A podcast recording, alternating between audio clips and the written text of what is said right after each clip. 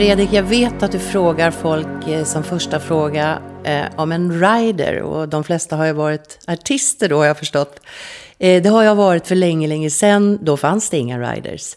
Eh, så att eh, för mig är det en ganska annorlunda fråga. Då måste jag ju liksom tänka, vad skulle jag göra i en loge? Ja, dricka te skulle jag ju förmodligen göra. Eh, med honung i då kanske för rösten. Gud vad tråkigt det lät. Men om man ska liksom ha champagne och sånt där, då vill jag ju inte ha det innan jag går på scen. Då vill jag ha det efter i så fall. Och ehm, eh, ljus. Trevligt, mysigt sådär. Eh, men inget, inget särskilt mineralvatten. Nej, det, någonstans man kan sitta bekvämt och vila sig lite. Men inget särskilt. Nej. Men du, på 60-talet, då var ju du ute i folkparkerna och sådär, men det, det, var, det var ingen lyx och flär då inte? Nej, man var glad om det fanns en spegel faktiskt. och vi var även utomlands och turnerade och det var inte flashigt alls, det kan jag lova dig. Nej, det var det inte. Du ska få utveckla det där lite. Eh, frågor och research är gjorda av Joakim Jax, Tobias Johansson och mig Fredrik Rahlstrand. Dags för Hitfabriken om låttexternas magiska värld med en mästarinna i ämnet, Ingela Pling Forsman.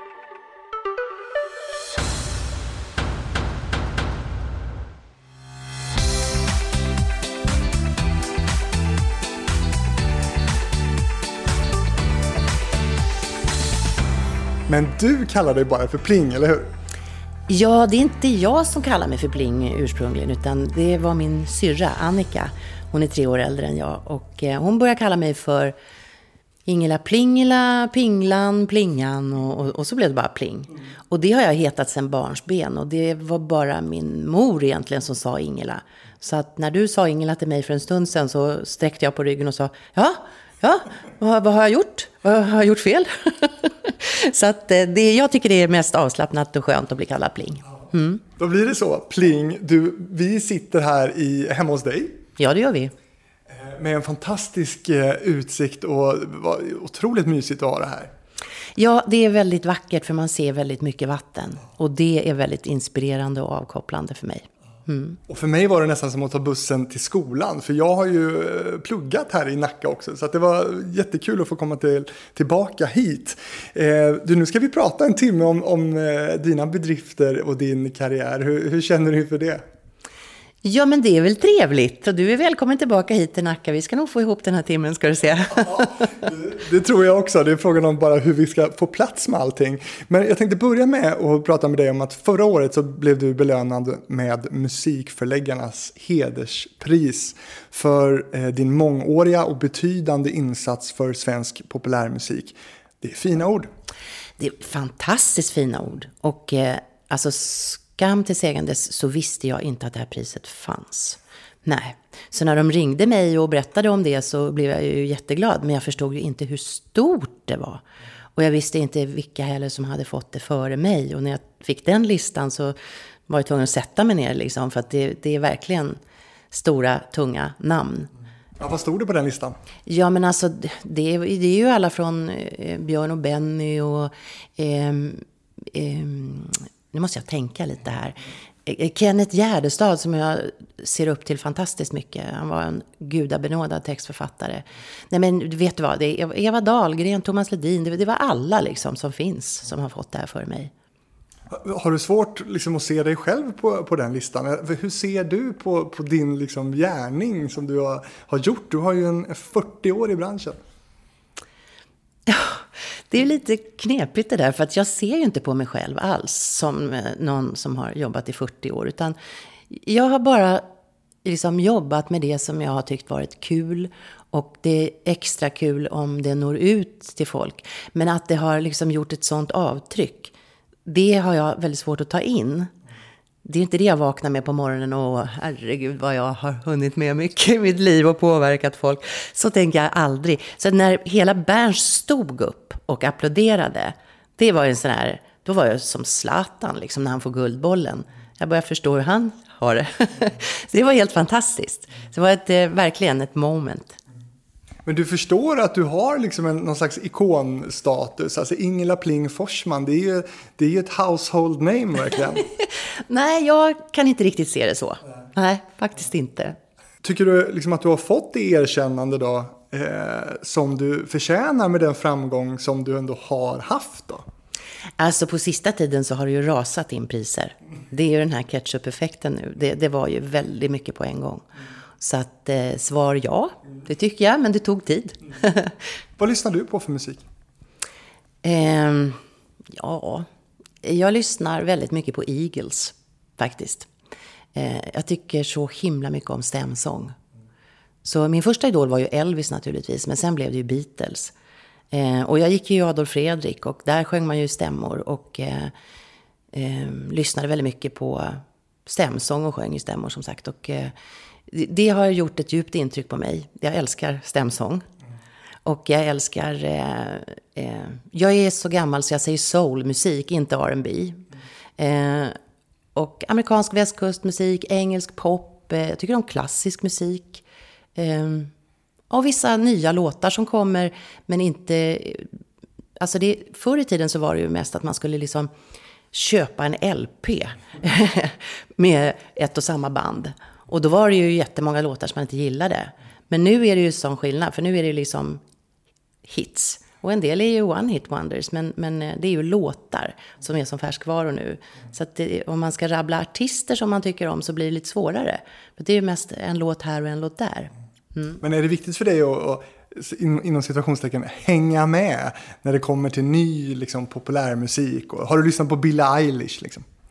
Nej, jag, nej, alltså jag tycker inte det är så viktigt. För, alltså, inte för att jag liksom ska kunna säga till någon att jag är så himla hipp och med. Utan eh, det är om jag liksom eh, bara råkar snubbla över det. Eh, eller får något tips av någon och sådär. Så lyssnar jag gärna. Men det är inte så att jag sitter aktivt som jag gjorde förr. Och söker och liksom listor och grejer. Det, det, det är det inte. Du... Ehm, en dag för dig idag skulle jag vilja veta. Hur, hur, hur ser en dag ut för dig? Eh, du jobbar eh, fortfarande och är högst produktiv. Ni håller på med en musikal nu som vi kunde höra mer om i avsnittet eh, i Hitfabriken med Lasse Holm. Eh, hur ser en, en vanlig dag ut för dig idag? Ja, det är ju inte alla dagar det kommer en trevlig man med bullar så här som det hände idag. Men, men alltså, jag skriver ju fortfarande eh, texter eh, åt olika håll. Och eh, egentligen så är jag ju pensionerad så att jag, jag ska ju inte jobba, men, men det kan jag ju inte låta bli. För det är ju så kul. Tar du ut pension? Eh, ja, jag gör det.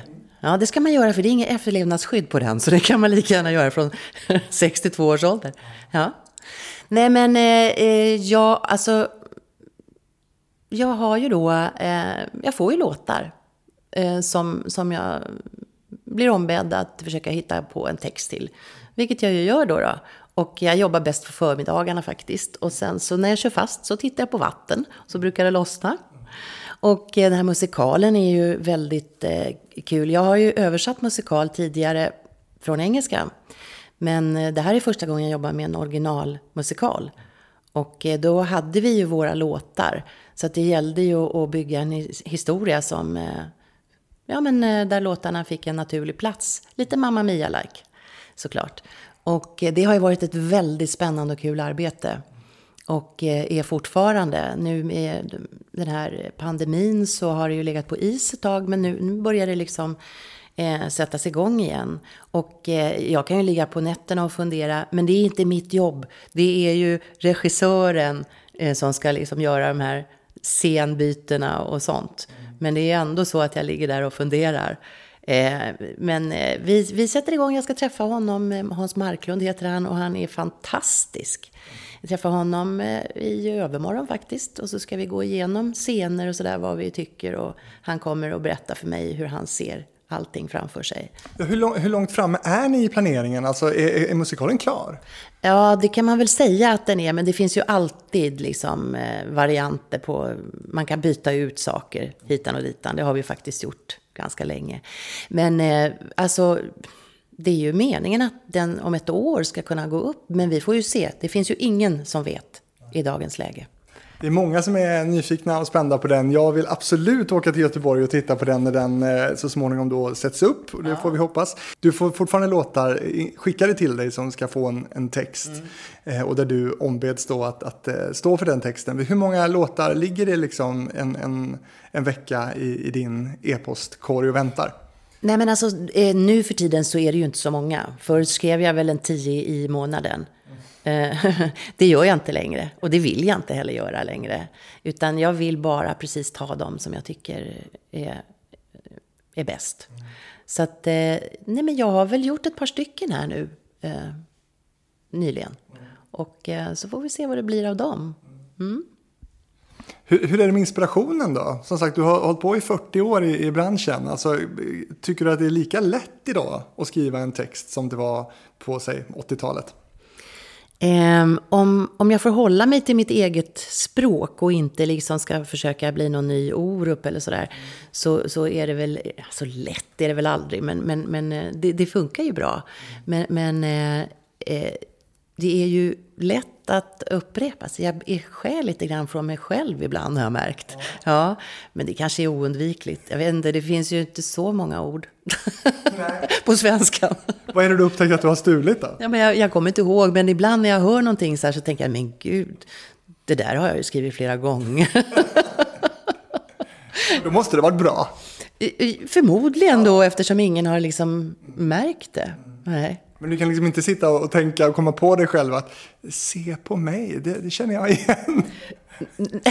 Nej men se på mig är ju bara, det är en vanlig fras. Det är ju liksom ingen sån här eh, hitfras som man säger. Men det råkade ju bli det ändå. Det, det, den lever ju fortfarande sitt eget liv den låten, det är helt fantastiskt. Och du har ju förknippats väldigt mycket med ett underhållningsprogram i tv som heter just Melodifestivalen och det ska vi prata en hel del om i det här programmet. Men inte bara, för jag tänkte att vi skulle börja nu eh, att ta oss tillbaka till 1968. Och för den som inte vet det eh, så, så kan man ju bara säga då att du har ju själv då sjungit och spelat in musik som, som sångerska. Han var 16 som jag, 16 som jag och jag var kär väldigt mycket 60-tal här, Pling. ja, vad ska man säga? Ja, Bambis, det var tre tjejer. Vi turnerade i svenska folkparkerna. Jag och min syrra och en tjej som hette Eva. Eh, och vi turnerade även i Öst och Västtyskland. Och, eh, till och med så skrev vi autografer på magen på killar och armar och sådär, förstår du. Jajamän.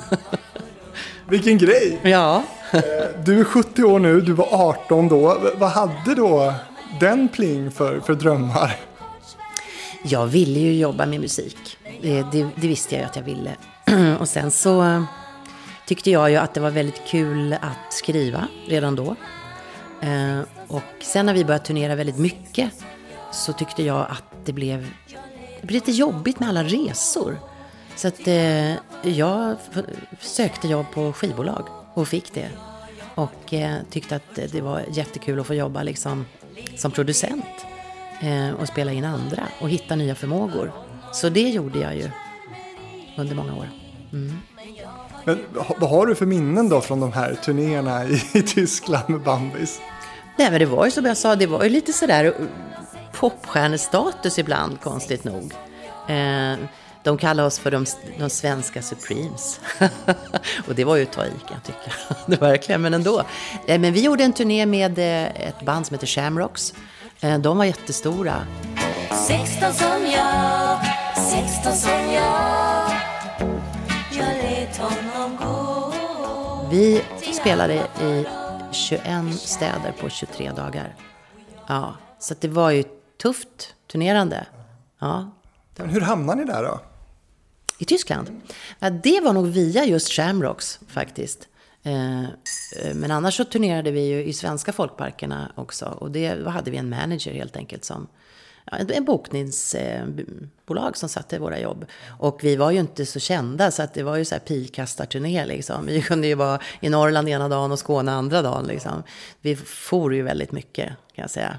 Men i de här folkparkerna då som, som ju fanns förr i, i stor utsträckning mer än idag alltså. Då, då, kunde det vara liksom Bambis och sen kunde det vara Lillbabs efter det. Alltså. Vad, vad, har du för minnen från de här stora andra giganterna i branschen som, som också turnerade i folkparkerna? Ja, men man, man möttes ju ibland liksom. Och eh, man såg i gästböckerna vilka som hade varit där tidigare. Och det var ju just Lillbabs och, och det var Hepstars och det var eh, Hootenanny Singers och det var Lasse Lönndahl och Karl i Tornehave och Tova Karlsson och Siw Malmkvist. Alla de där. Ja, så det var ju samma, samma stråk liksom som man följde. Ja. Sen försöker du dig på en solokarriär också? Ja, lite grann faktiskt. Ja, jag gjorde några singlar där. Ja. Men det blev ingen mer eller? Nej, eh, det blev det inte. Utan jag jobbade ju samtidigt på skivbolag. Så att det var det som tog över egentligen. Du ville vara lite Diana Ross då, tänker man i Bambis, eller? Nej, jag ville ju inte det. Nej, jag, nej, det ville jag faktiskt inte. Nej, jag tyckte nog att jag var inte tillräckligt bra, utan jag, jag tyckte liksom att jag funkar i en grupp, men inte som soloartist. Utan jag tyckte nog att det var roligare att jobba på skivbolag faktiskt. Ja. Och när du väl hade lämnat då den här tanken på solokarriär, har, har du aldrig genom åren eh, tyckt att du skulle söka dig tillbaka till, till mikrofonen igen? Alltså och sjunga själv? Nej, det har jag inte gjort. Utan däremot så har jag ju eh, använt min röst som speaker. Jag har ju eh, jobbat som speaker tio år på TV4. TV4, en del av Sverige. Hela min uppväxt typ, ja, det känner vi igen. Och sen fyra år på sjuan faktiskt också. Så att, eh, och sen har jag ju pratat in massa andra saker också. Så att jag har ju använt min röst på det sättet istället. Du har ju en fantastisk röst. Ja, tack så mycket. Ja, det, det är sånt som man föds med, så att det är bara att tacka och ta emot. Mm. Och en del röker sig till den också. Det gör inte jag. Nej, men det är väldigt fin alltså. Men du, det här med, med jobbet på, på TV4 då. Hur, hur hamnade du som, som kanalröst där?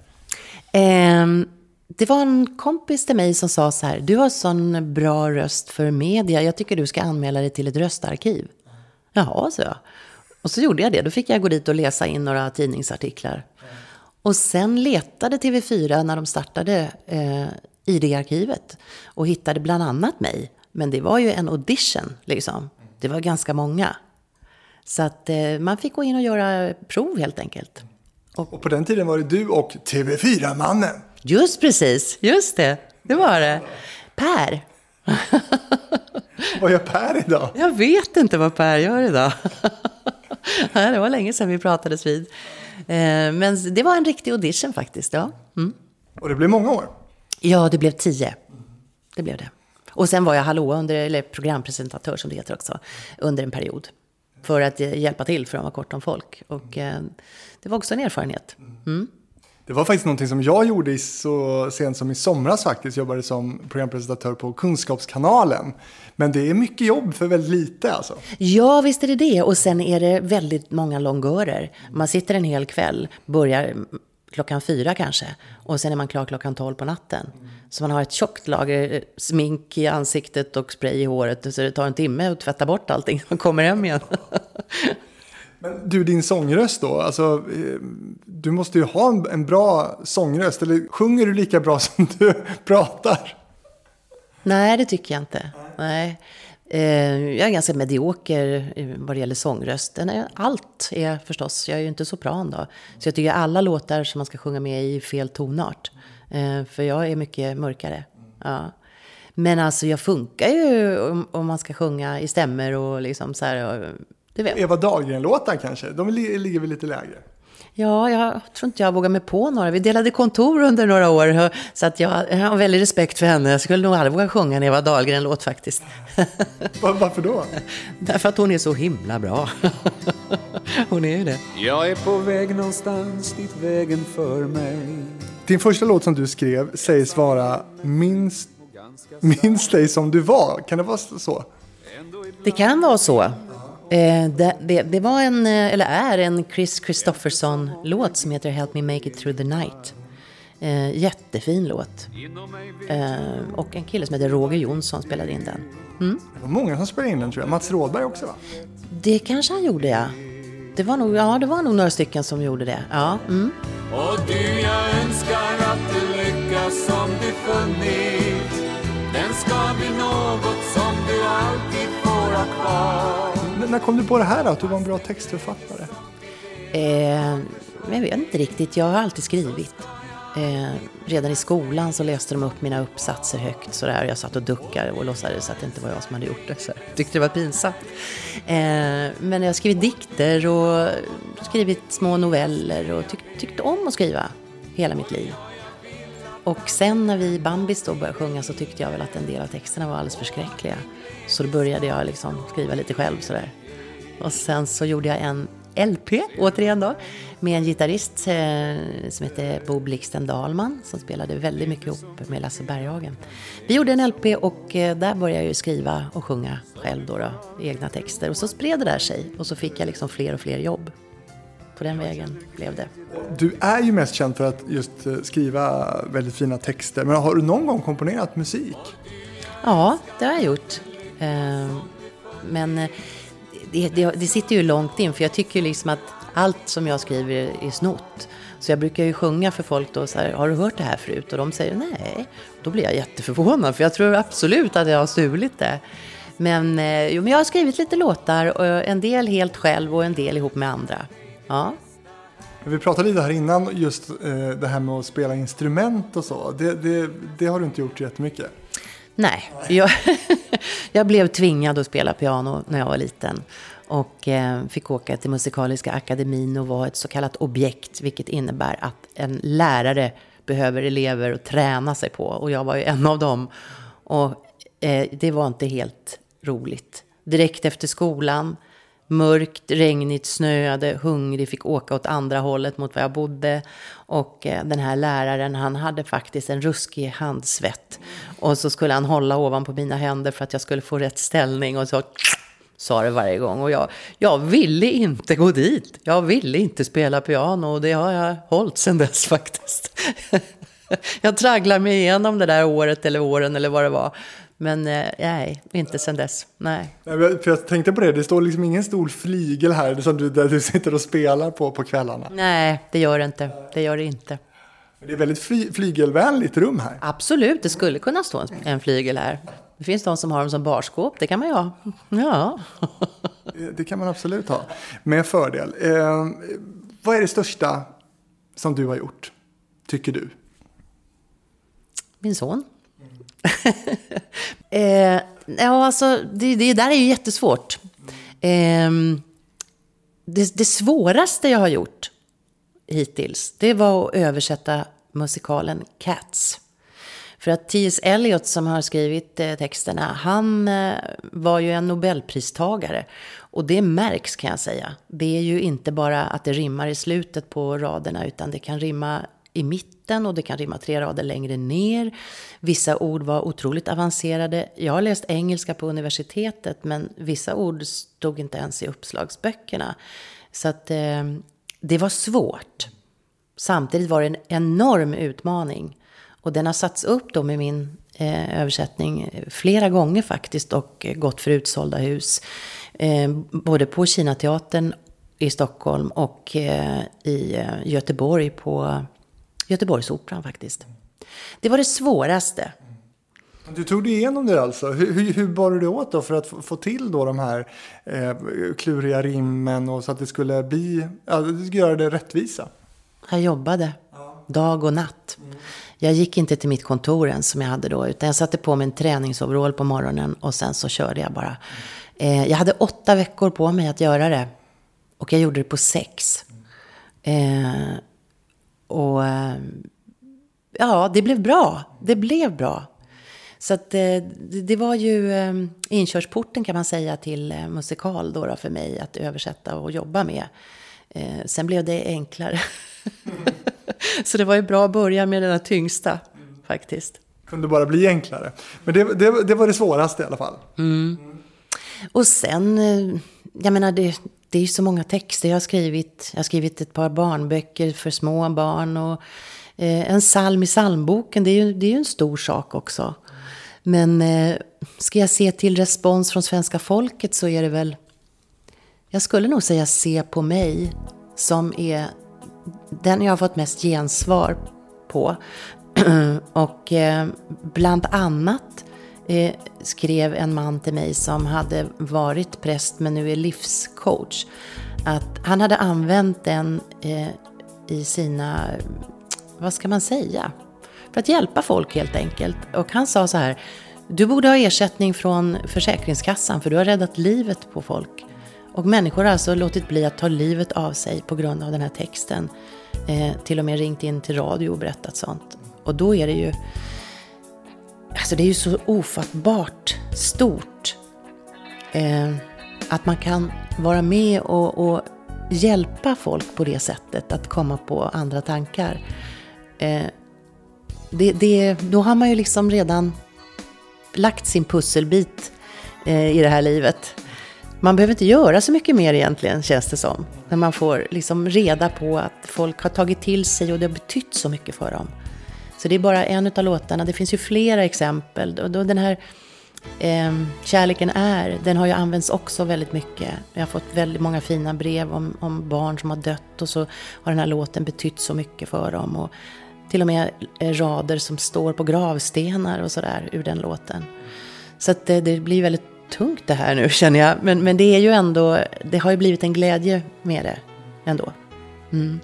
Det får vara tungt och det får vara lätt. Och, eh, men man förstår ju att det, det, är ju eh, texter som du har, har skapat och skrivit som har betytt otroligt mycket för andra människor. Hur, hur, hur känns det för, för dig? Nej, men som jag sa, det, jag är väldigt tacksam och ödmjuk inför det. Det känns så stort. Eh, för det är ju inte så man tänker när man skriver det. Man vet ju aldrig vilka känslosträngar man kan beröra. Utan man blir, om, om jag blir rörd själv när jag skriver så brukar det vara så att folk också blir rörda. Men det är ingenting som jag kan veta eller räkna med. Det är ju ingen som applåderar när jag lägger ifrån mig pennan. Liksom, utan reaktionerna kommer ju långt senare. Så att det, det, finns ju inga spekulationer med det hela. Utan det, det är ju bara, bara att vara ärlig när man skriver. Det, det tror jag är nyckeln till att beröra. När du har skrivit en text då, hur mycket kan du eller artist eller andra låtskrivare vara med och påverka den och gå in och ändra ett ord eller mening här och där? Eller hur, hur ser du på det? Alltså, jag lägger ju ord i munnen på folk och då är det väldigt viktigt att de känner att de kan stå för det. Sen har det ju förändrats med tiden. För länge sedan så skrev jag åt något dansband, jag tror till och med att det var Ingmar Nordström, så jag är inte säker. Ehm, och då var det en utländsk låt som hette What a wonderful night with Marie. Men jag fick uttryckliga order om att det absolut inte handla om natt. Nej, det var väldigt känsligt. Det blev dag istället. Ja, sådär. Så att det, sånt finns ju inte längre. Eh, och eh, det, det, måste ju finnas en dialog naturligtvis mellan mig och den som ska sjunga eller de som ska sjunga. Men jag skulle ju inte gå med på vad som helst. Det skulle jag inte göra. Då tackar jag heller nej. Mm. Har du något sånt exempel? Eh, ja, fast jag, jag ändrade ju texten och skrev något helt annat. Och eh, det funkade det också. Det finns alltså vissa utländska låtar som, som jag har tagit avstånd ifrån för att eh, till exempel stod det någon om jag, för att bevisa min kärlek till dig så skulle jag låta en hel armé marschera. Och det var jättekonstigt liksom. Sådana saker tar jag bara bort. för det tycker inte jag är kärlek. Det där är intressant faktiskt med, när man pratar om engelska texter och svenska.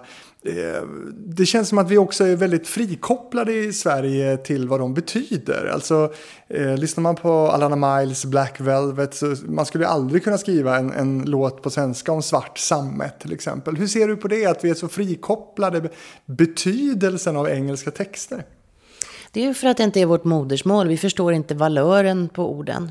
Utan vi tycker bara att det är från början säkert eh, mycket lättare att sjunga på engelska och mycket liksom ballare och sådär. Eh, men eh, alltså, jag tror inte att alla lyssnar. Utan eh, det är lite...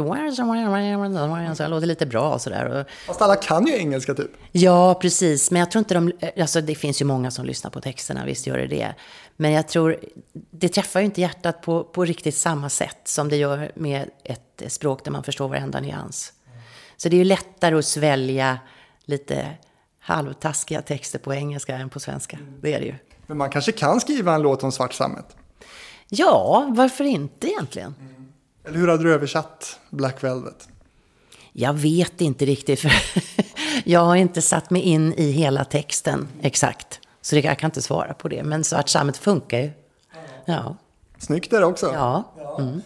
Ehm, Du har ju varit verksam länge, det har vi pratat om. Hur ser du på utvecklingen digitalt? Jag tänker på hur det är nu med, med Spotify och, och Apple Music och de här plattformarna som, som helt har, förändrat eh, hur vi konsumerar musik rent eh, tekniskt. Vad har du för funderingar kring, kring det, hur man konsumerar musik idag? Jag, jag kan inte ha så många funderingar egentligen, utan det är ju en utveckling som... Alltså allting utvecklas ju. Och det går ju inte att stoppa och det är väl inte meningen heller. Vad som är positivt är väl att eh, det finns ju väldigt många möjligheter för artister att visa upp sig. Eller totalt okända människor som sitter hemma och får jättehits. Det är ju fantastiskt. Eh, förr i tiden så måste du skicka in till ett skivbolag och så blev du refuserad och så höll du på och, och så. Och, Och det är förlag och det är allt möjligt. Ja, eller hur? Ja, men precis. Eh, Så att eh, på så sätt så är det ju verkligen eh, enormt bra med alla nya plattformar. Att alla får en chans. Men påverkar de ditt arbete på något sätt? Nej, det tycker jag inte. Det, det, det enda är ju då att eh, ersättning och sånt där ska ju förhandlas fram. Och eh, eh, där är jag ju liksom ganska borta med rocken. Jag vet inte hur mycket jag får när det spelas på Spotify. Det är väl några ören. jag, jag vet faktiskt inte. Förut hade man ju lite koll på eh, hur mycket som eh, går till artisten och eh, till upphovsmännen och sådär. Du vet när det såldes skivor och så. Men nu har jag ingen koll på det där längre. Och inget intresse av att sätta dig in i det heller då? Nej, faktiskt inte liksom. Jag jobbar ju inte så mycket längre. Eh, Så att, och framförallt så skriver jag ju inte för att få en månadslön. Det är ju inte det jag gör. Du har ju pensionen. Jag har ju pensionen, herregud. Den klarar mig ju långt på.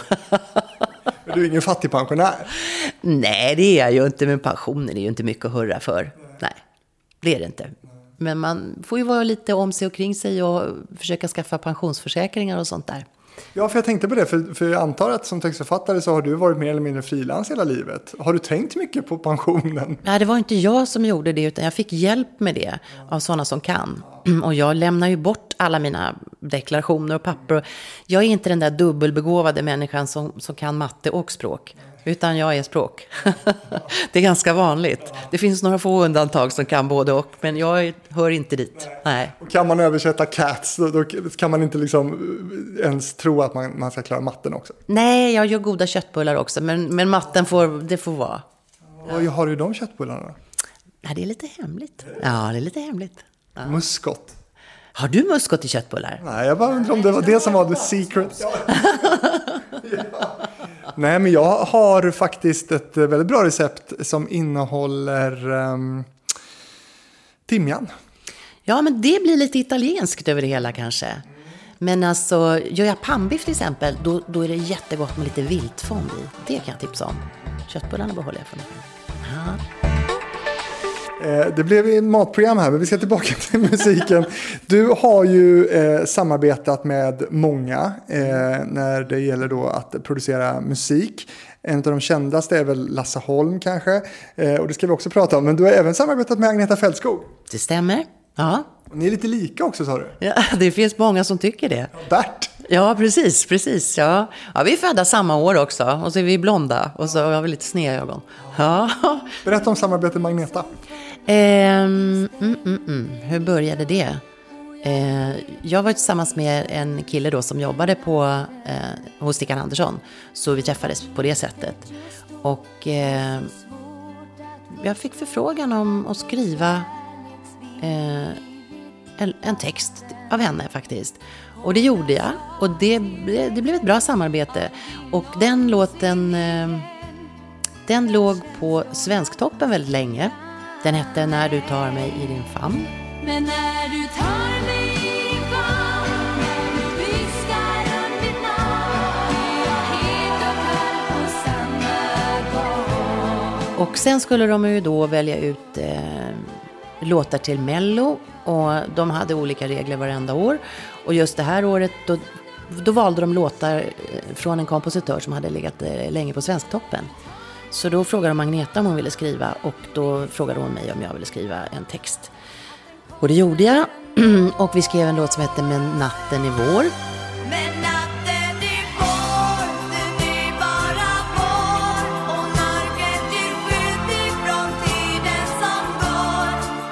Och det var en tjej som skulle sjunga den. Hon hoppade av två veckor innan. Och där stod vi utan artist. Och eh, och Agneta vill inte göra det själv. nej, Agneta ville inte sjunga. Nej. Eh, vilket ju hade gått jättebra naturligtvis, för hon sjunger ju fantastiskt. För det här är ju 70-tal va? Ja, men det är det väl va? Det är väl i början på 70-talet någon gång tror jag. Eh, och då, eh, Thomas Ledin hittade i alla fall en tjej som heter Kiki Moberg, bodde ja, i Norrland någonstans. Som, som liksom kastades in i den här tävlingen från noll till hundra bara. Eh, och eh, hon gjorde ju allt hon kunde liksom. Men eh, det var ju ändå så att det var fem låtar bara som tävlade det året. Och vi kom ju faktiskt sist. det gjorde vi. men eh, livet går vidare. Ja. Det gör det. Men, men eh, samarbetet med Agneta Fältskog, det var ju inte bara om den låten, det var flera låtar ni gjorde. Ja, men vi gjorde ju då först den som låg på Svensktoppen, så gjorde vi den här. Det kanske var någon fler, men alltså det, var, det, det är nog inte, inte jättemånga, på, inte på sista tiden. Eh, nej, men det var kul. Hon hon är otroligt begåvad. Ja. Har ni kontakt idag? Eh, ja, lite grann faktiskt. Eh, vi har båda haft ställen på Mallorca, så att, eh, då har vi träffats lite där. Lite grann. Har du hört de nya ABBA-låtarna? Ja, det har jag. Vad säger du om dem? Eh, jag grät. Jag blev otroligt berörd. Ehm, särskilt den som Frida sjunger. Ja, jättebra. Vad var det som berörde dig? Det, det vet jag inte. Det vet du aldrig. Var det just det ordet eller det ordet? Jag vet inte. Men det var texten. Eh, ja, det var en kombination naturligtvis, som det alltid är. Vad har vi att förvänta oss då, vi som inte har hört dem? Ja, gråta. Nej, men alltså det är ju bra. Det är ju lika bra som det alltid har varit. Vi blir inte besvikna. Tycker jag inte ni ska bli. Nej, det tror jag inte. Hur har du hört de här då? Ja, ehm, jag vet inte om jag får säga det. Ah, det, det kan nog vara en hemlighet faktiskt. Ja, men det är inte Agneta som har spelat dem för mig. det kan jag säga. Nej. Men, lite, men det är flera eh, kända personer som jag har hört har hört dem. Mark Levengood bland annat har också hört dem. Ja, där ser man. Vad tyckte han då? Det minns jag inte, jag kommer ihåg bara att han hade hört dem. Men eh, vad spännande. Och eh, nog om Agneta Fältskog. Lasse Holm då eh, är ju en person som du förknippas väldigt mycket med. Och, eh, ska du berätta själv kanske, vad har ni för, för relation? Det skulle du inte tro om jag talar om det. Nej. Nej, men jag skulle säga att vi är som syskon. Vi har jobbat eh, länge, länge ihop och, och känner varandra ganska väl faktiskt. Eh, och eh, jag jobbade på ett eh, skivbolag som hette Elektra. Eh, och där jobbade en kille som var väldigt eh, into country music. Och han kom en dag till mig och sa att eh, eh Lasse Holm frågade mig om, om du vill skriva en, en text på hans låt och jag tror han skojade. Men det gjorde han inte. Så att, eh, jag fick en dag en kassett. Och eh, skrev en text på den och det var Mats Rådberg då som spelade in den. Eh, den hette Minns dig som du var. Och så låg den tio veckor på Svensktoppen. Och sen lyftes den ut, för reglerna var sådana. Och sen gick det väl någon vecka, sen kom den in med Sten Karlsson och Salta mandlar hette de. Och låg i tio veckor till. Så det var ju en väldigt bra början. Och sen fortsatte vi bara. Mm. Han är otroligt begåvad eh, låtskrivare. Eh, även textförfattare också faktiskt. Och sångare. Eh, och musiker. Och eh, det som är så bra är att han sjunger i samma tonart som jag. Så det var väldigt lätt och, och liksom när jag jobbade med låtarna så hade jag ju hans sång. Eh, och då kunde jag ju liksom sjunga med. Eh, då är det mycket lättare. Mm. Har, har det alltid varit liksom guld och gröna skogar, eh, samarbetet er emellan? Eller har ni också haft perioder där samarbetet har fungerat mindre bra? Nej, men jag är så snäll. så jag har ju liksom rättat mig när han tycker att det var fel. Eh, Ibland har han fått ge sig också naturligtvis. Nej, vi har haft ett bra samarbete. Det, det, det är väldigt lätt att jobba med Lasse. Han är nog den mest entusiastiska person jag känner. Det måste jag säga. Jag fick... Piggelinus. Ja, men gud. Jag fick en låt. Jag har väldigt svårt för att skriva på såna här äh, klämmiga, glada bitar. Eh, Jag är bättre på ballader och sånt. Men det här var en klämmig, glad bit. Och eh, jag försökte och det gick inte. Och han ringde mig och sa, är den klar? Nej, alltså Lasse, jag kan inte skriva på den här låten. Du får göra det själv. Nej, nej, nej, nej, nej, nej, det är bara du som kan. Vi ska spela in den imorgon. Du måste, du, det är bara du som kan. Det kommer bli jättebra. Jag vet, jag vet. Du, åh. du kommer, gör det nu bara. Och jag satt där i mitt kök liksom och tänkte, men gud, vad ska jag skriva? Och så hade jag en bokhylla där i köket med kokböcker och så hade jag en drinkbok. Så tog jag ner den och tänkte jag så här, jag kan inte använda någon drink så här, det blir ju konstigt. Men jag får hitta på en egen drink. Och så gjorde jag det. Och så tänkte jag så här, ah, det här kanske inte var det bästa jag har skrivit, men, men alltså det kommer inte märkas. Den kommer bara ligga som nummer tre på en LP liksom, eller något sånt här. Men så blev det ju inte.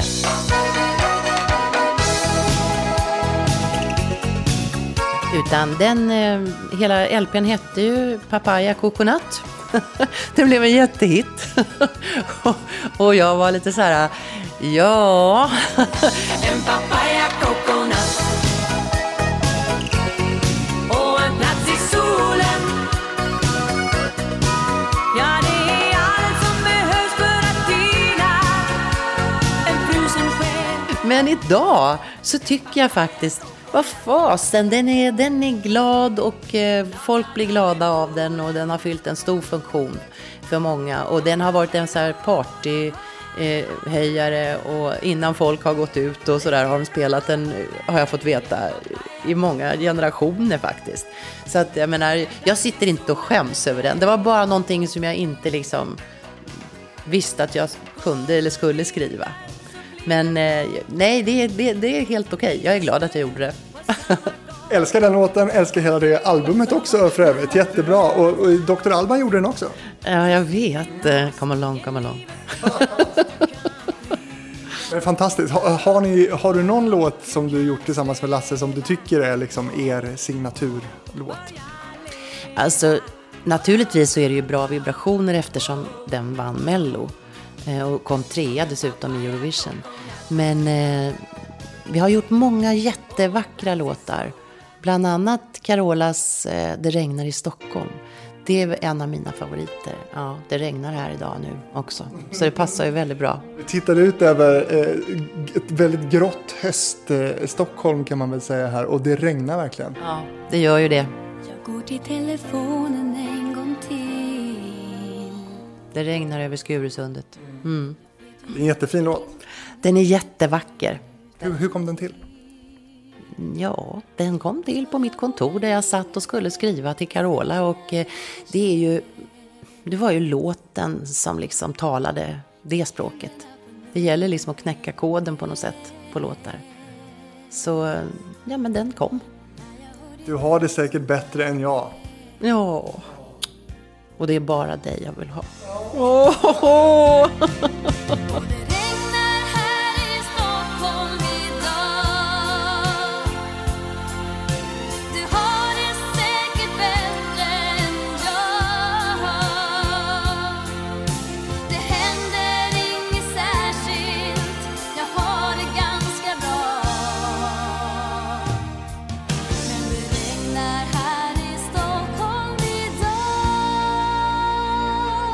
Jättefin ju.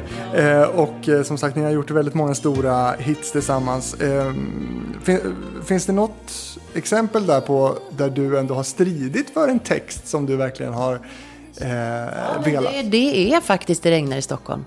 Eh, Lasse ville inte ha den. Nej. Det var Torgny Söderberg som klev in och sa men det här är ju jättebra. Och då, och då backade han och sen tycker han ju idag att den är jättebra. Han kommer säkert att säga att han inte kommer ihåg det här om du frågar honom, men det var faktiskt så. Och vad var det för fel på den texten då? Jag vet inte, för jag älskar den. Ja. Och sen har vi skrivit eh, låtar som de spelar väldigt mycket på bröllop, bland annat den som heter Jag är, som eh, Tommy Körberg har spelat in. Också jättevacker och jättefin. Så att, eh, det, fin- det finns många som inte liksom kanske spelas varje dag direkt, men som ändå är väldigt fina. När man har gjort så många låtar som du har gjort eller skrivit så, så är det klart att de inte kan spelas alla varje dag. Det tycker ju jag. Du hade kunnat ha en egen radiostation, Pling FM. Ja, men varför inte? Pling time! Ja, jo, men det, det, tycker jag faktiskt. Det kan de starta. Det finns ju en radiostation i Stockholm som heter Svenska favoriter. Där borde du ju ändå vara eh, lite spelad tycker man. Jo, men det är jag. Det har jag hört faktiskt. När jag kör bil brukar jag ha den. Finns det samarbeten som inte har blivit av? Eller där du har tackat nej till exempel att, att samarbeta med någon? Jag vet inte. Ehm, alltså jag tackar ju nej om jag inte känner att eh, jag kan bidra med någonting till låten eller att låten talar till mig. Då tackar jag nej. Mm.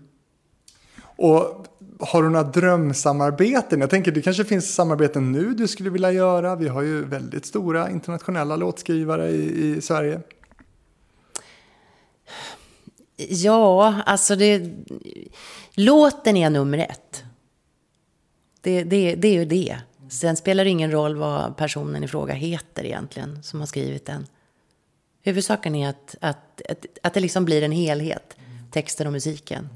Men om Max Martin ringer dig och frågar om du kan skriva en text till honom eller till Katy Perry eller Britney Spears eller Backstreet Boys eller Westlife, då, vad säger du då? Ja, då trillar jag väl av stolen, förmodligen. Jag skulle ju inte säga nej. det skulle jag verkligen inte göra. Nu ska vi snacka Mello. Okej.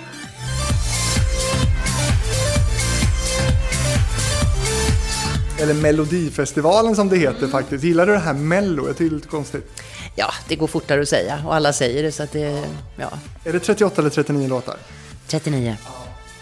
Schlager har förstört mitt liv. Har du en knapp? Som där det står. Ja, det stämmer. Jag gav en till Lasse Holm också. Är det så illa? Nej, det var bara roligt. Det har väl eh, bidragit väldigt mycket till positiva saker för dig. Varför blev Melodifestivalen en så stor arena för, för dig tror du? Eh, den blev ju det för alla, därför att eh, det fanns ju nästan inga program där folk fick sjunga och visa upp sig under de här formerna. Utan tv var ju väldigt bedrövligt tråkigt. ja, men det var ju det. Det var väl någon sån här eh, God kväll och sånt där, där någon fick sjunga någon låt. Bingolotto. Ja, Bingolotto, det fanns kanske då också, ja. ja. Eh, Café Norrköping. Ja, Café Norrköping och sen eh, Bosse Larssons eh, var nygammalt, ja, där det var mycket dragspel och sådär. Så det var ju inga liksom balla låtar direkt. Så det är klart att det fick en stor genomslagskraft för både eh, artister och upphovsmän. Upphovsmännen var ju lite mera liksom med, från början eh, så fick ju de eh, pris, alltså ettan, tvåan och trean, fick ju pengar i början. Eh, det kommer jag ihåg att jag såg på tv. Vad hände med det? Exakt, vad hände med det?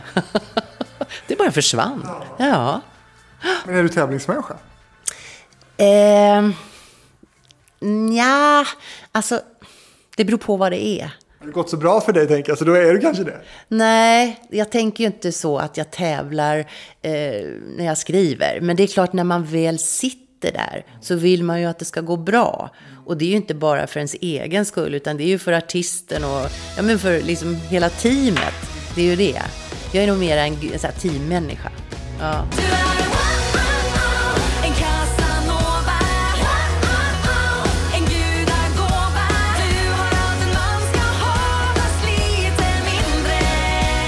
2014 tävlade du med Casanova med Elisa.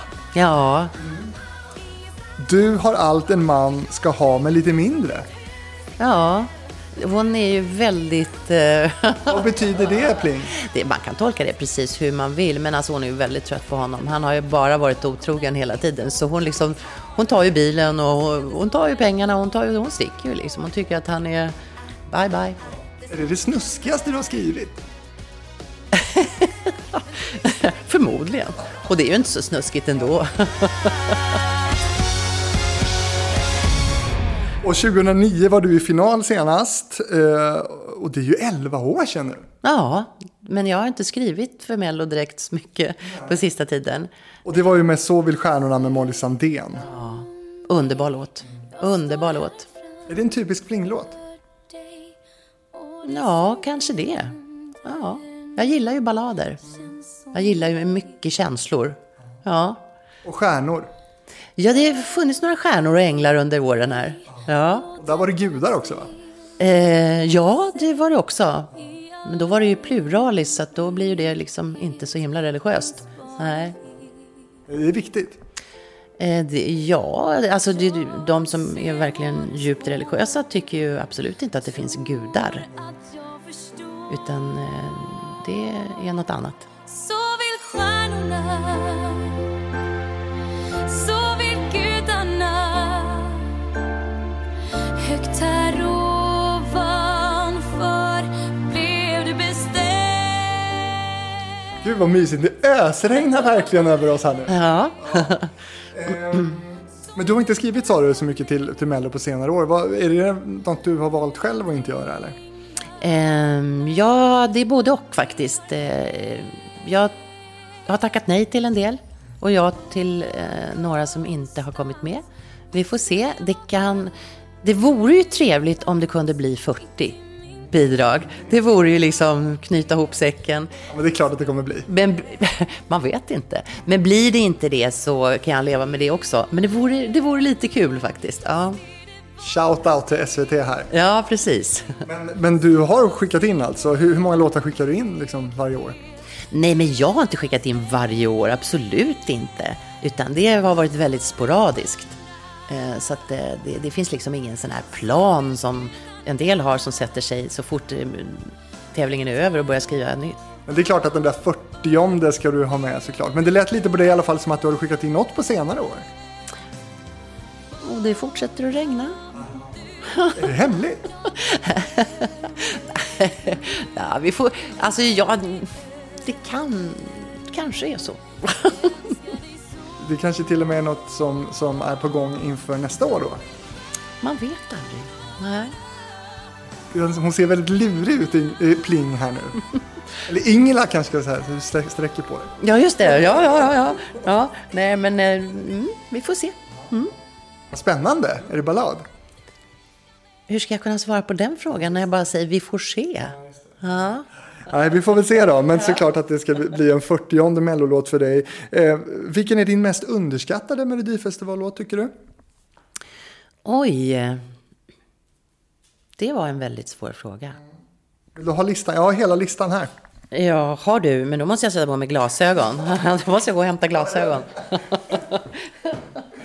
Ja, det är en diger lista.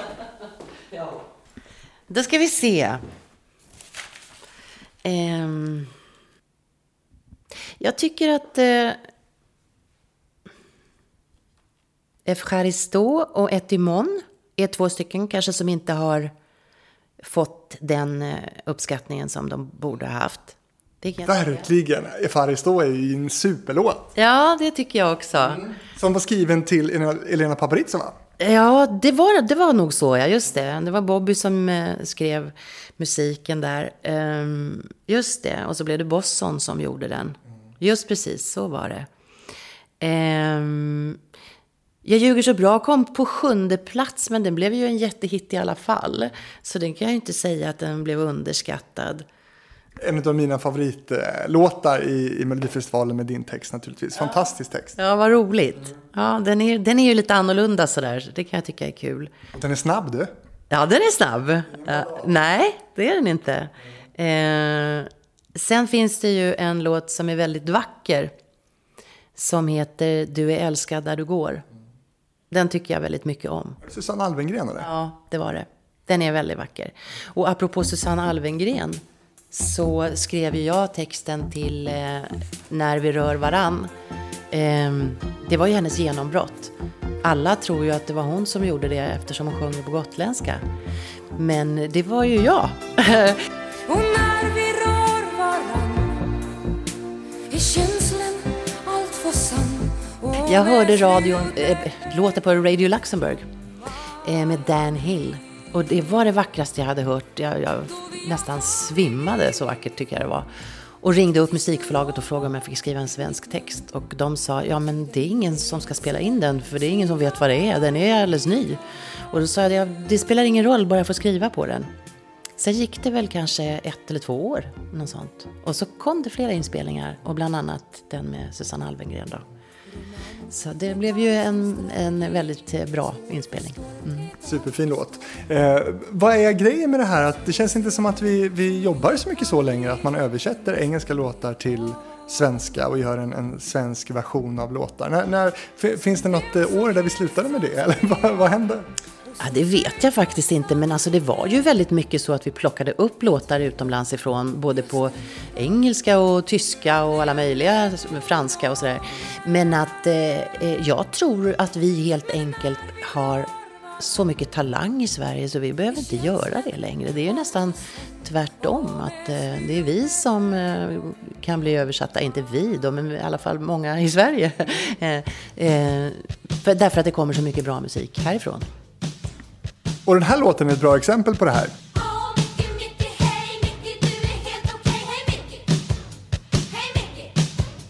Du vad, är, vad är lättast egentligen för dig skulle du säga? Komma på ett ämne eller skriva en egen text från grunden? Eh, eller skriva svensk text till en utländsk förlaga där den svenska texten då ska ha förankring i originalet? Ja, alltså det sistnämnda här, det, det är ju kanske enklast om man säger, för att då har man ju hela konceptet. Och om man då vill hålla sig till det eller kanske till och med är, är, är tvungen att hålla sig till det på grund av upphovsrätt och sådär. finns ju de som inte vill att man ska förvanska deras texter och det har jag full förståelse för. Ehm, så då har man ju liksom nyckeln där redan. Ehm, men eh, när man skriver en originaltext så är det ju ehm, man själv som ska knäcka koden. Och eh, det kan vara väldigt svårt ibland. Och ibland väldigt lätt. Och den här låten då, Mickey, eh, hur eh, hittar du den texten? Nej men den heter Mickey i original. Så att, och sen var det ju Carola och då, då var det ju liksom den här ungdomsvarianten varianten liksom. Det, det skulle ju vara det.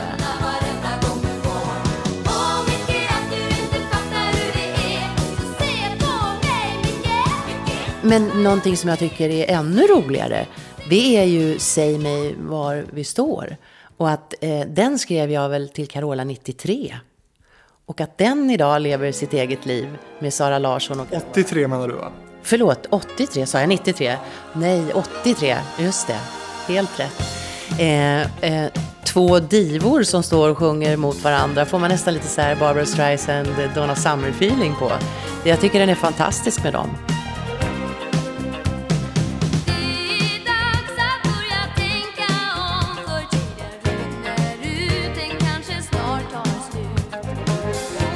Och den här tjejen i Idol gjorde den också jättebra. Så det är ju så himla kul att en, en sån eh, låt och text kommer tillbaka efter så många år och funkar lika bra.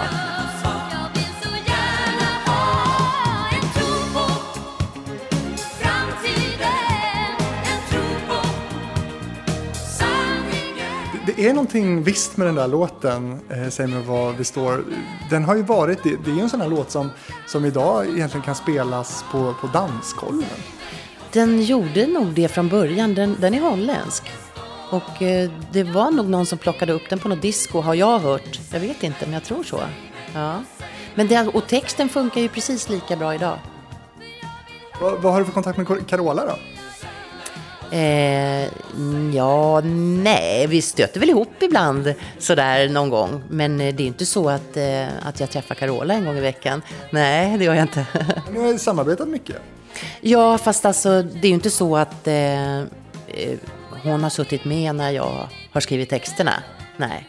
Men eh, visst, sporadisk kontakt har det ju varit under åren. Jag tänker att du har ju betytt mycket för henne och hennes karriär, tänker jag, med just texterna. Eh, ja, förmodligen har jag väl gjort det. ja, ja. Nej men eh, det, det är ju jättekul att hon håller på fortfarande. Och att eh, som sagt att det poppar upp en sån här gammal låt tycker jag är enormt kul. Verkligen.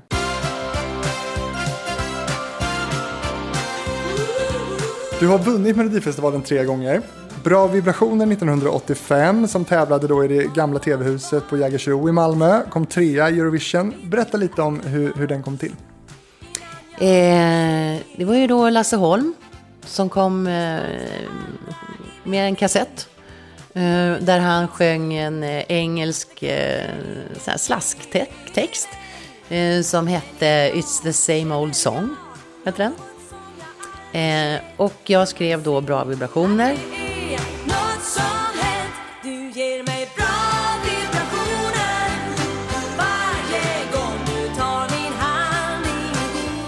Vi eh, kom med i tävlingen och det var till Kikki, det visste jag. Då, det året i Malmö, då var det ju ingen orkester. Eh, Vi skulle sitta som inne i något diskotek, kommer jag ihåg. Det var jättekonstigt. Eh, Pernilla Wahlgren var med också.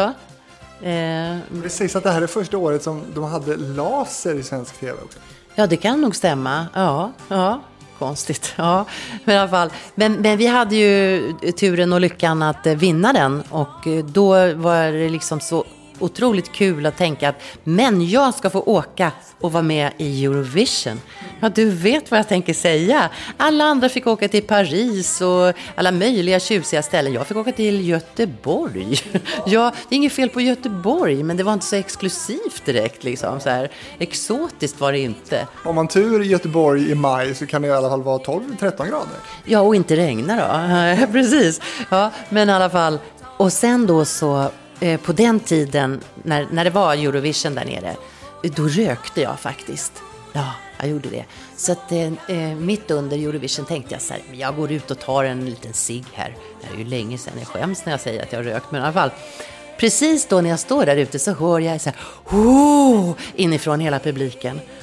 Och kommer in, ja men då har ju Lill Lindfors tappat kjolen. Och jag missade det. och sen så kommer jag ihåg att vi ledde ju där vid eh, något tillfälle. Och lampan började blinka så här för bra vibrationer och hela eh, SVT satt på en lång rad bakom mig och de torkade svetten ur pannan och tänkte bara så, inte ett år till, inte ett år till. De ville inte vinna, jag tror inte det. För Herreys hade ju vunnit året innan, det var ju anledningen till att vi befann oss i Göteborg. Men vi kom ju på en hedersam tredjeplats. Det är bra ju. Det är ju jättebra. Verkligen. Och det här är en låt som typ alla kan. Ja, det får jag nog lov att säga. Det, det är det nog. ja. Det måste ju ändå varit eh, coolt att göra en sån låt som alla kan. Tio år efter Bra vibrationer, då har du skrivit Se på mig som tävlade i Melodifestivalen, också det i Malmö. När din väg är lång Du står till igen eh, och Malmö igen och den här låten har ju du berättat om att den har betytt väldigt mycket för dig. Var det självklart att den skulle vinna? Nej, men det är det ju aldrig. Det är ju aldrig självklart. Man kan ju sitta där och, och gissa sig blå i ansiktet. Det, det går ju inte att veta. Men eh, alltså han, han hade ju en sån jäkla utstrålning. De här blåa ögonen som tittade rätt in i kameran. Han stod helt blickstilla. Och eh, han var en kioskvältare helt enkelt. Det var alltså text, musik och artist. Det blev verkligen hand i hand liksom. Det blev en liten snurrande diskokula. det, det, det blev så lyckat. Det är inte alltid det blir det. Men... Skinnrocken. Och skinnrocken, precis. Och det var väl Christer Lind där också, så att, eh, ja. Nej, men det blev jättebra. Och det var ju också då ehm, ehm, Mello och tredje, eller förlåt, Eurovision och tredje plats. Återigen så vann Norge och samma kompositör där. så det, det verkar, ja, historien upprepar sig. Historien upprepar sig. Ja, det är Lasse Holm. Waterloo. Inte Lasse Holm, nej. Det var Stickan Andersson.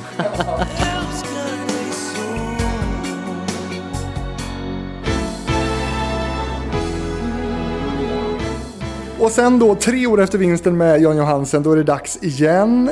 Här i den stilla gryningen Och då är det i Malmö igen då. Ja, det är ju märkligt. Ja, det, är, det är lite konstigt och denna gången då med Jannes duettpartner Jill Johnson, tämligen okänd då. Ja, exakt, exakt.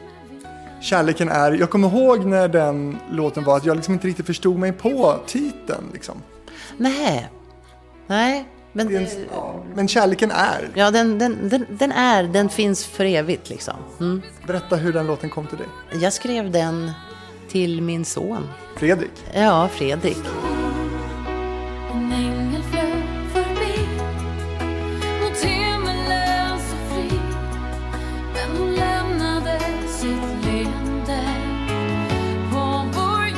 Jag skrev väldigt mycket till Fredrik. och då är, kan det vara bitvis liksom. Och sen så kan det komma in något annat eh, också. Eh, men eh, det, det är ju... Alltså det är ju en kärlekshistoria egentligen. Så det är inte... Det är inte jag kanske började någon annanstans och tänkte på Fredrik och sen så utvecklades det till någonting. Men det, det finns ju ett, ett hopp och en trygghet och eh, eh, det var ju just där eh, det året, 97, då alla dog. Och sen tävlade vi 98 då. Men det Diana eller? Ja, då, henne tänkte jag ju på när jag skrev den. En ängel som flög förbi. Mm, och lämnade sitt leende framför allt. Eh, och det var så väldigt många som dog i den här branschen. Artister och eh, skådespelare och eh, det, var, det var nästan sådär, vem är det idag som har gått bort? Det var ett konstigt år. Så det finns ju väldigt mycket känslor eh, i den här låten och, och det märks tror jag. Skrevs den till Jill direkt? Jag tror det. Jag tror det, men jag minns inte riktigt. Men jag tror, jag är nästan hundra på det. En av Sveriges bästa sångerskor tycker jag då. Absolut, jätte, jättebra. Du, den här inspirationen då? För du pratar nu, nu pratar du om Fredrik här, din son. Eh, eh, och att han då har inspirerat till, till många texter. Och du har också pratat om vatten. Eh, det pratade vi om innan också, att, att du kan egentligen bara liksom finna ett lugn och ro med vatten. Du har skrivit i duschen också. Det har jag gjort. Ja. Bland annat har jag skrivit min kärlek i duschen. Inte hela, men eh, de viktigaste bitarna. Därför, Kommer du ihåg vilka bitar? ja, min kärlek ska brinna så som en stjärna i natten. Eh, Min kärlek ska finna sin väg i de djupaste vatten. det är inte så djupt i duschen direkt, men ändå. Det är, det är absolut, det, har, mm, det är skrivet i duschen. Men vad är det med dig och vatten då?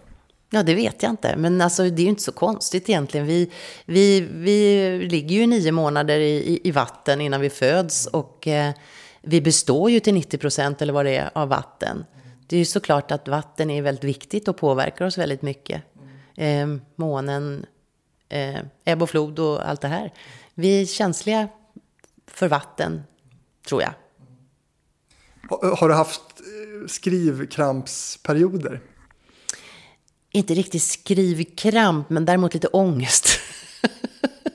så där som man liksom, man vet att man ska sätta sig ner och skriva, men man gör allting annat som man inte borde göra. Till och med dammsuga är roligare. Man går runt, runt, runt liksom och till slut så är man ju tvungen att ändå sätta sig. Och eh, Då blir det ju en låt om dammsugning. dammsugning. nej, det har det nog aldrig blivit egentligen. Nej. Det finns en gräns för hur banalt det får bli. Eh, för mig gör det det. Jag tycker inte det är så kul att dammsuga, så att nej. Hög igenkänning på en sån låt du. Ja, nu när du säger det så. Men processen då till en text för dig, alltså, finns det några konkreta eh, punkter eh, som måste passeras eller påbörjas för att du ska få till en, en bra text? Nej, alltså oftast så kommer det ju någon rad i huvudet. Och ofta ser jag en liten video också. Ja, faktiskt. Och sen eh, det som man måste tänka på är ju naturligtvis att det är sångbart. Därför så sjunger jag ju såklart hela tiden när jag skriver. Så att det är vokaler på höga toner och så. För det, det är ju viktigt. Får du alltid musiken först? Eh, I 99 procent av fallen. Ibland har jag skrivit lite musik eh, själv och då har ju text och musik kommit samtidigt. Eh, men, men så är det nog, att jag, jag oftast... Mm. Och svåraste texten att få fram då, vilken har det varit? Det vet jag inte. Eh, ja, jo, jo det vet jag faktiskt när jag tänker efter.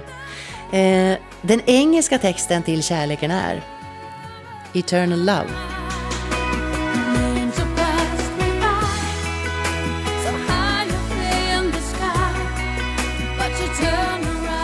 Eh, den skrev jag ifall, ifall vi skulle, eller Jill skulle få sjunga på engelska i Eurovision.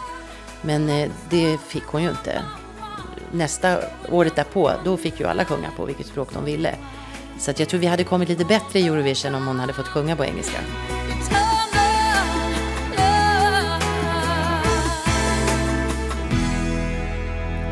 Men eh, jag ska i alla fall göra den och det var jättesvårt. Det minns jag. Men sen kom ju Magnus Carlsson från Weeping Willows och gjorde den i Så mycket bättre och eh, den blev ju fantastisk. Med din text då. Med min text, ja. Miss Li tänker jag på nu. Hon har ju de senaste EP-släppen eller singelsläppen gjort så att hon har eh, alla sina nya låtar med svensk text och med engelsk text. Och det där har jag tänkt är så himla briljant. Varför gör inte alla så? Vi gjorde så med Carola. Varenda text fick jag skriva, alltså varenda låt fick jag skriva dubbelt på. Det gjorde jag också. Men de släpptes inte väl? Jo, en del. Hon var ju lite grann i Japan där och så. Så att eh, det fanns en del som släpptes på engelska, absolut. Men för jag menar, vi har ju en svensk marknad där, där många gillar svensk eh, text och svenska språket. Eh, Men hela världen ligger ju där. Varför inte göra alla låtar också med engelsk text? Ja, jag håller med, jag håller med dig. Absolut. Miss Li, genidrag detta. Ja, ja, ja, hon är ju fantastisk. Skriver jätte, jättebra verkligen. Har du någon eh, motsatt exempel där på en text som du bara har liksom, som bara har runnit ur dig jättelätt? Eh, det finns det säkert, men just nu kommer jag inte på det. Du ställer så svåra frågor, Fredrik. jag ska minnas tillbaka liksom, under 40 år. Eh, nej, men jag vet att någon gång har jag skrivit en text på typ en timme. Och ibland har det tagit flera dagar. Precis, för det där har jag för mig att du och Lasse Holm gjorde i tv någon gång. Att ni fick ett uppdrag att göra en hit på en timme. Ja, det stämmer. Det var inte att vi skulle göra en hit, utan vi skulle... Vi skulle skriva på en känd låt. Vi fick inte veta vilken förrän precis sekunderna innan vi skulle göra det. Vi skulle sitta i varsitt rum. Det var Du gamla, du fria. Han skulle skriva en ny eh, melodi då på Du gamla, du fria med den befintliga texten. Och jag skulle skriva en ny text på den befintliga melodin. Och jag tänkte liksom, de vill ha vårt huvud på ett fat. Jag menar alltså massakrera nationalsången, vem vågar göra det liksom? Men vi gjorde i alla fall det. Eh, Och det framfördes sen i slutet av det här tv-programmet då. Så Det vi, gick bra. ja, det gjorde det faktiskt. Och eh, jag fick brev ifrån eh, svenskar i Spanien som eh, bad att få texten för de ville ha den som sin nationalsång. Ja. Kan man gifta sig i jeans om man bara svarar ja? Kan väl klädseln inte vara så viktig? Han ska ha frack och och klack. Hans familj är fin och så försiktig. Det här är ju en rolig text och en av mina favorittexter också från dig faktiskt. Eh, hur kom det här till? Ja, det vet jag inte. Ibland så kommer det liksom bara, som jag sa, lite video i huvudet. Och eh, det gjorde det här. Jag såg ju framför mig den här tjejen som skulle gifta sig med den adliga killen och, och det var så en fin familj. Och, och hon var ju inte alls sån. Hon tappade ju bort skorna och hon hade ingen klänning. Och, och ja, hon frågade om det var okej att gifta sig i jeans. Bara kärleken är rätt och riktigt tyckte hon att det var okej. Och sen hade hon ju hyrt in ett punkband till festen också. Och en perfekt låt för Lotta ju. Ja, absolut. Hon känns ju så. Ja, hon känns sån. Ja. Så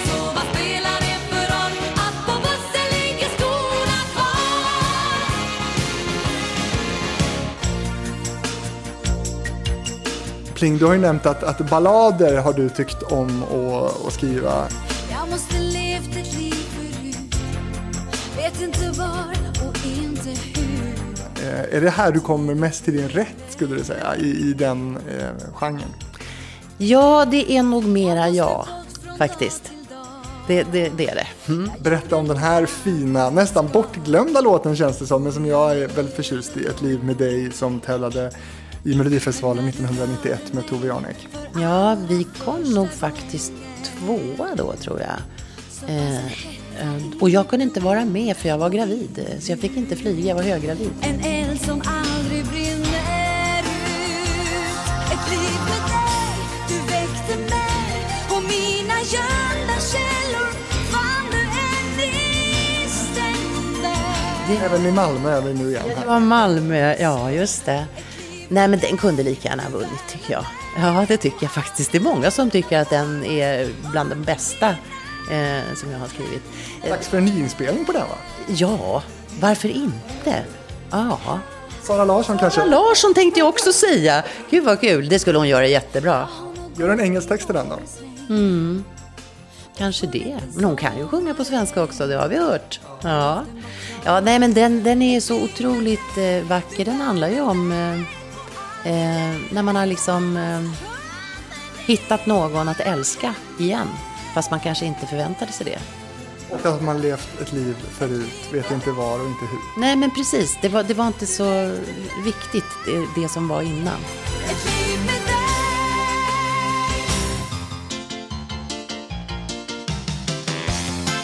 Det här är också en sån här låt som verkligen eh, finns kvar ju. Ja, men alltså vet du vad? Det, det är vår mest spelade låt, Lasse Holms och, och mina låtar alltså. Ja, jag vet att klockan är två, det är sent för en söndagkväll. Eh, han berättade för mig häromdagen, han sa så här, vet du hur många gånger den är streamad? Och då sa jag, nej, för jag vet inte hur många gånger låtar är streamade generellt. Ja, men Främling är streamad 6 miljoner gånger. Och så var det någon annan låt som var streamad ungefär lika mycket. Den här var 33 miljoner gånger. Vad beror det på? Ja, jag vet inte. Den är jäkligt bra helt enkelt. Och sen var den ju med i filmen Black Jack.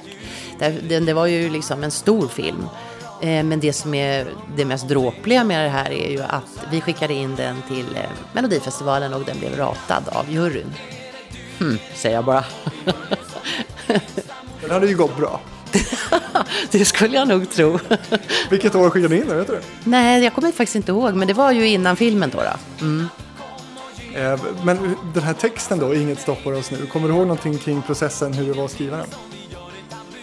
Nej men alltså det är ju den typen av låt, det är ju, det är ju, man, man ser ju dansgolv framför sig. Det kan ju inte hjälpas. Och vad gör man på ett dansgolv? Man träffas. Och sen så säger det klick och sen så vill man inte skiljas. Det är bra, Nej, men det är ju en fantastisk låt ju. och eh, den skulle man också nästan kunna göra någon slags nyinspelning på. tycker jag. Var så? Nej, jag skojar. Eller något, vad har vi för några upcoming dansband som skulle kunna göra den här rättvisa? Jag vet inte, hörru du. Alla kör väl den redan säkert? Eh, de flesta har nog gjort det någon gång, det skulle jag tro. Det kommer ju stimlistor på, på det och det, det är ju, den spelas ju väldigt mycket. Ja, Är det din mest eh, lukrativa låt ekonomiskt? det har inte jag kollat faktiskt. Det har jag inte kollat. Men det, det, jag vet att det är den mest spelade. Så det borde väl hänga ihop kanske. Men jag Du- har min pension. Ja, din pension. Det känns tryggt hörru. Inget stoppar oss nu. Drömprojekt då? Du är ju bara 70 eh, kan man ju säga. Och eh, jag tänker att du ändå kanske har några saker eh, kvar som du vill göra. Du vill ha din 40 låt i Melodifestivalen, så mycket har jag förstått. Har du andra projekt, drömmar som du vill eh, förverkliga? Det är musikalen. Jag vill att den ska bli av. Och det, det är ju skakigt just nu. Så det är ju ingenting jag bara kan kallt räkna med att det här kommer att bli av. Alltså, finns det risk för att det helt enkelt inte kommer att sättas upp överhuvudtaget? Nej, men det beror ju på hela det här pandemiläget. Det är ju det som är den stora stötestenen. Alltså, det finns ju ingen som vet. Eh, men men, men eh, det, är ju, det är ju en stor dröm att eh, ha fått vara med och göra en originalmusikal också som sätts upp. Och sen att folk sjunger med. Kommer du gråta på premiären? Stor risk för det. ja, det, det, det är nog stor risk för det. Vad är det för historia då som vi får, kommer att få följa då som, som blir den liksom, röda tråden mellan era låtar? Nej, men det kan jag inte riktigt berätta. Det, det är ju lite hemligt. Men all, allting utspelar sig i en liten stad, det kan jag säga. Men, men Fiktiv eller riktig? den är fiktiv. Vad heter den? Men det kan jag inte säga heller. Nej. Himla hemlighetsfull, Pling. Ja, ja, men alltså jag ska inte avslöja för mycket. Utan det är bara liksom att, att hålla tummarna att det här blir av. Ja, jag och mina kompisar kommer definitivt åka ner i alla fall. Ehm, du Pling, hur var den här upplevelsen för dig då? Vi är liksom mot slutet nu. Ja, det har väl varit jättetrevligt. Mysigt. Prata med dig. Ja. Superkul att få, få träffa dig och vad roligt att du ville vara med i Hitfabriken. Är det någonting som jag borde ha frågat dig som jag inte har gjort nu?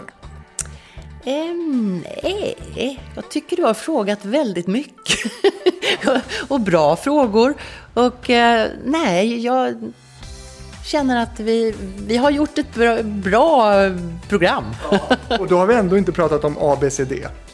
Nej, det har vi inte gjort. Nej, det kanske vi inte behöver göra heller. Det går bra ändå. Det går bra ändå. Och du som lyssnar, vill du komma i kontakt med mig, då gör du det på en e-postadress som är fabrikspost@gmail.com. Eh, och eh, du hittar naturligtvis Hitfabriken också i sociala medier såsom eh, både Facebook och Instagram. Är du också där? Eh, jag är på Facebook och väldigt lite på Instagram. Mm. Pling, tack så jättemycket för att du var med. Tack själv Fredrik, det var jättetrevligt.